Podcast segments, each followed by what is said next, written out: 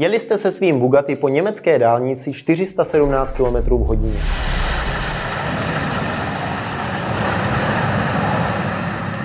Nikomu se nic nestalo, vy jste si jízdu perfektně užili. Bylo to dobré rozhodnutí? Investovali jste do kryptoměny, protože vám o ní řekl kamarád. Nic jste o krypto nevěděli, byl to nějaký meme coin, ale vyletěl a vy jste udělali 20-násobný zisk. Bylo to dobré hmm. rozhodnutí? Dnes se pobavíme o decision makingu, o tom, jak přijímat dobré rozhodnutí a hlavně o tom, co je to result oriented přemýšlení, čili přemýšlení zaměřené na výsledek. Já jsem Kirill Duran, vedu Simpletech Simpolo, jdeme na to.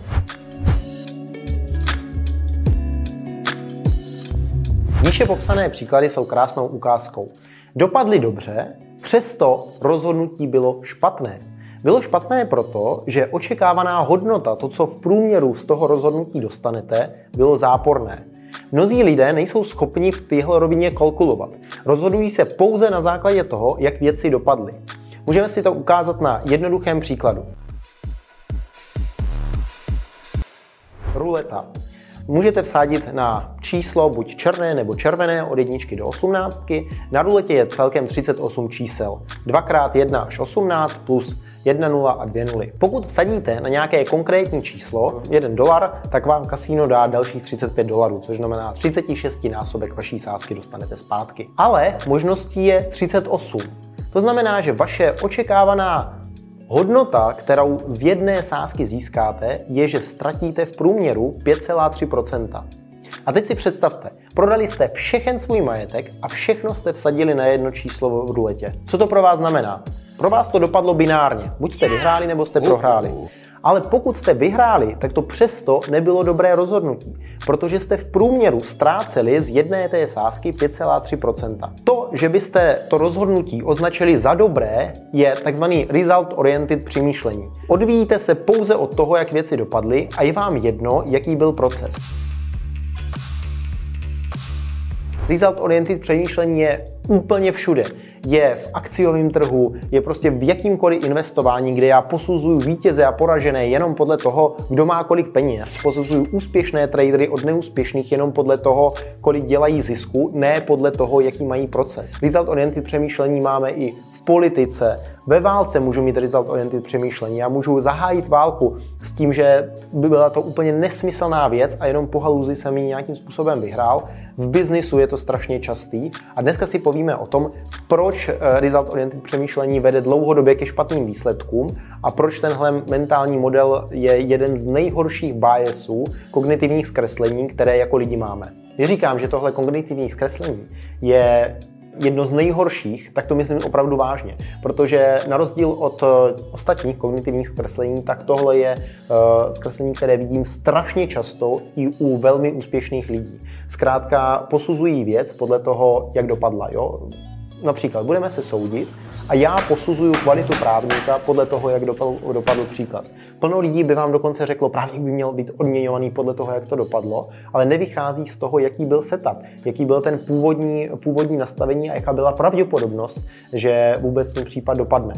Koncept result oriented přemýšlení vychází z pokru. Tam to bylo krásně vidět. Já jsem dřív pokr hrával, něco málo jsem vyhrával a tam bylo krásně vidět, jak špatní hráči, kterým zrovna šla karta, protože tam ten faktor náhody je poměrně velký, ale ne rozhodující, tak těm hráčům, kterým zrovna šla karta, tak se cítili jako bohové, měli pocit, že tu hru úplně krásně čtou a ovládají, přestože dělali nesmyslný barafy, přestože otvírali nesmyslné kombinace, přestože měli prostě štěstí.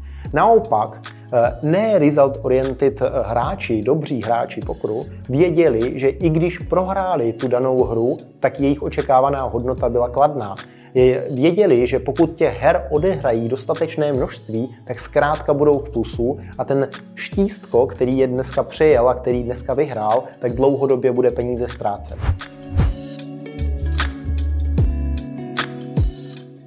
Result oriented přemýšlení je pro nás tak trochu přirozené, protože my jako lidi Vidíme výsledky, ale nevidíme procesy. Lépe se měří výsledky, ale hůře se měří to, jaká byla pravděpodobnost toho výsledku.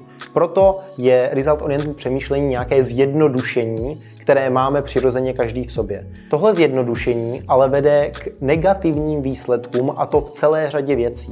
První věc je, že se nejsme schopni poučit z minulosti, protože pokud se rozhodujeme na základě výsledků minulých, ne na základě toho, jaké byly očekávané výsledky, tak budeme vycházet i ze špatných situací, ze špatných rozhodnutí a opakovat špatná rozhodnutí jenom proto, že někdy po nějaké náhodě přinesly uh, dobré výsledky. Zároveň to má vliv na odměňování lidí. Protože pokud mám nějakou firmu nebo nějaký tým, nebo pokud vy jste v nějakém týmu a chci odměňovat lidi, tak já chci odměňovat lidi za správný proces rozhodování, ne přímo za jejich výsledky.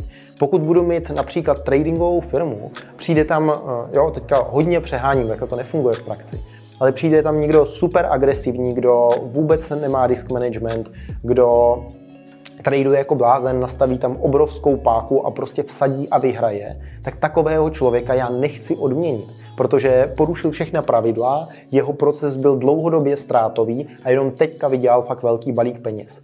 Naopak, když někdo udělal dobré rozhodnutí s tím, že ale ztratil peníze, jo, u nás v kanceláři řekl, hele, tohle je nějaká níž, kterou bychom měli zpracovat, kterou bychom měli obsadit, my do toho investujeme, půjdeme hloub, hloub, hloub, e, zpracujeme to téma a zjistíme, že tam ten potenciál není, jaký jsme si mysleli, že byl, tak to neznamená, že to bylo špatné rozhodnutí. A dokonce takového člověka neznamená, že bych měl nějak jako strhávat nebo něco, abych, já bych ho měl naopak odměnit, protože pokud dělá takovéhle rozhodnutí, a zvládne je dělat ve více iteracích, ve více opakováních, tak někdy eh, v nějakém množství času ty rozhodnutí zákonitě budou zisková. No a třetí problém, který result oriented přemýšlení přináší, je ignorace náhody v našem životě. Naše životy jsou brutálně náhodné, ta míra neurčitosti a nějakého chaosu je skutečně mnohem větší, než si většina lidí myslí. A pokud máme tendenci věci posuzovat podle výsledků, tak tuhle proměnou tam vůbec nemáme. Eh, pokud myslíme jenom v jedničkách nebo v nulách, stalo se to nebo nestalo se to, tak eh, nemáme tu barvu šedí, že se to mělo stát se 70% pravděpodobností. Tohle je něco, co když eh, vyignorujeme a když nebereme v potaz, tak zákonitě musíme dělat neoptimální rozhodnutí.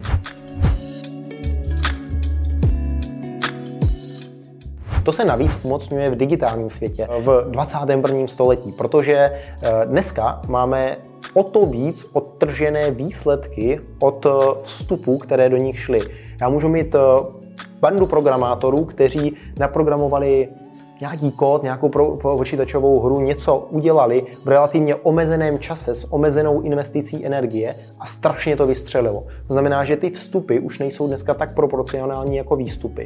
No a v tu chvíli tím spíš záleží na nerozdělování světa na jedničky a nuly, nepřemýšlení o tom, jak to dopadlo, ale přemýšlení o tom, jaký proces byl, který vedl k tomu, jak to dopadlo.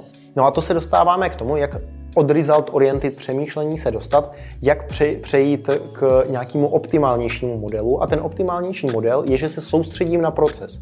To znamená, že mě výsledek je vlastně úplně jedno, protože výsledek já už neovlivním. Já, když dělám například, jo, někdo bude dělat analýzu akcie, tak já můžu se soustředit na to, jak moc hluboko půjdu, co všechno si zjistím, eh, jaký z informační zdroje ještě přečtu, eh, co všechno se naučím. Tohle je něco, co mám v rukou a to je ten proces. Naopak, co neovlivním, je, jestli ta akcie půjde nahoru nebo dolů. Já můžu udělat všechno nejlepší pro to, abych zjistil, jestli tahle akcie je dobrá a pak na ní vsadit. A po, od téhle chvíle už je jedno, jak to dopadne. Ne, není to jedno z hlediska nějakého manažování rizika a vystupování z pozic, pokud se něco změní, ale je to jedno v tom smyslu, že vy už se vlastně nemusíte dívat na ten účet. Vy pokud těchto dobrých rozhodnutí uděláte dostatek, tak ve výsledku tam bude velmi kladné číslo a vy budete porážet trh. A to, jestli jste v té nějaké volatilitě a v nějaké jako variančnosti té hry zrovna ulítli a zrovna jste byli ztrátoví, to je vlastně jedno. Je to jedno v tom smyslu, že je dobré se přesvědčit, že je to jedno a netrápit se s těmi zápornými výsledky. To je něco, co jste nemohli ovlivnit a to je něco, co je úplně přirozené. Další významným faktorem je soustředit se na množství pokusů. V dostatečně dlouhé řadě pokusů vy, pokud děláte zisková rozhodnutí, tak zkrátka musíte být ziskoví. To znamená, že v podstatě dvě proměnné, které vy jediné ovlivňujete, je ten proces, jakým to děláte a to, kolikrát se o to pokusíte. To, jak to dopadne, to už je dílem náhody a pokud se pokusíte dostatečně eh, množství případů, dostatečně krát to zkusíte, tak vám to zkrátka vyjde.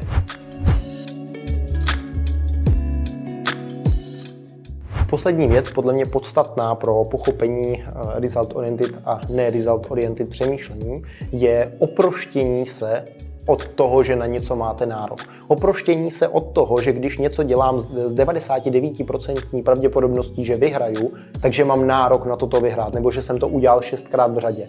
Je to takový ten klasický pří, eh, případ z testů studijních předpokladů, pokud jste házíte kostkou a už 20krát nepadla jednička, jaká je pravděpodobnost, že padne jednička. Nebo pokud jste na ruletě a 10krát za sebou padla červená, jaká je pravděpodobnost, že padne černá.